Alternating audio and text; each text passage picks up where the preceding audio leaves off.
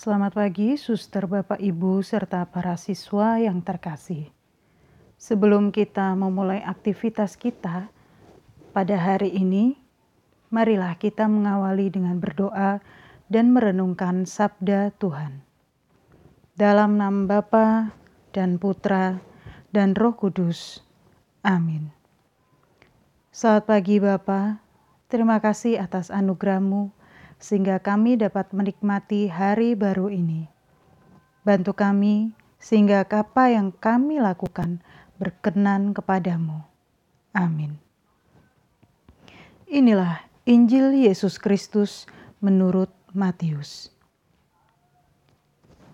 Dimuliakanlah Tuhan. Lalu Yesus pergi dari situ dan menyingkir ke daerah Tirus dan Sidon. Maka datanglah seorang perempuan Kanaan dari daerah itu dan berseru, Kasihanilah aku ya Tuhan, anak Daud, karena anakku perempuan kerasukan setan dan sangat menderita. Tetapi Yesus sama sekali tidak menjawabnya. Lalu murid-muridnya datang dan meminta kepadanya, Suruhlah ia pergi. Ia mengikuti kita dengan berteriak-teriak.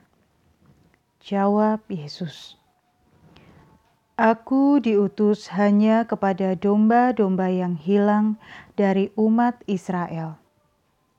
Tetapi perempuan itu mendekat dan menyembah dia sambil berkata, "Tuhan, tolonglah aku."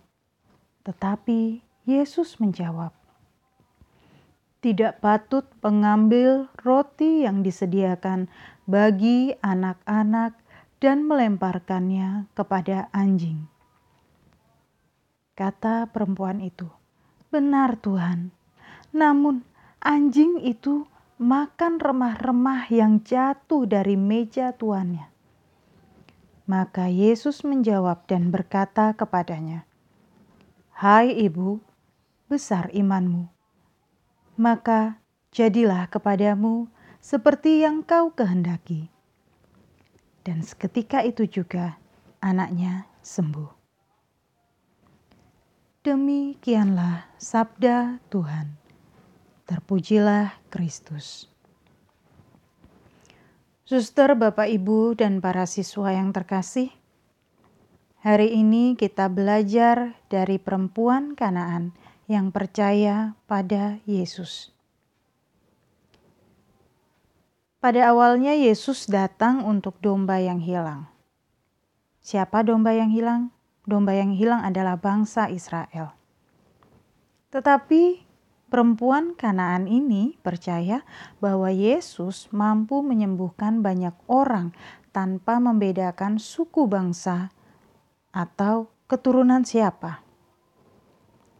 Karena percaya, perempuan Kanaan ini mendapatkan anugerah kesembuhan untuk putrinya yang sakit. Kadangkala memang Percaya kepada Yesus bukanlah suatu yang gampang, apalagi ketika keinginan kita, harapan kita tidak terkabul. Namun, yang namanya percaya adalah benar-benar meletakkan harapan, keinginan, dan apa pun yang ada dalam pikiran kita, hati kita, di bawah kaki Yesus. Kita meletakkan segala hal secara penuh yakin pada Yesus, apa pun situasi dan kondisi kita. Karena Yesus yang tahu hal-hal yang terbaik dalam hidup kita, seperti halnya wanita atau perempuan Kanaan ini yang dengan rendah hati mau menyamakan dirinya seperti anjing. Semoga kita datang pada Yesus bukan hanya pada saat membutuhkan atau memohon sesuatu, seperti halnya menjadikan Yesus sebagai ATM kita, tetapi kita sungguh-sungguh datang pada Yesus karena benar-benar percaya Dia adalah Tuhan dan Juru Selamat kita. Amin. Yesus kami bersyukur mengenal Engkau lebih dulu. Kami bersyukur atas jasa dan pengorbananmu di kayu salib. Kami bersyukur hanya dengan percaya dan berusaha selalu menyenangkan hatimu dan melakukan tindakan apa yang kau kendaki. Kami menjadi anak-anakmu.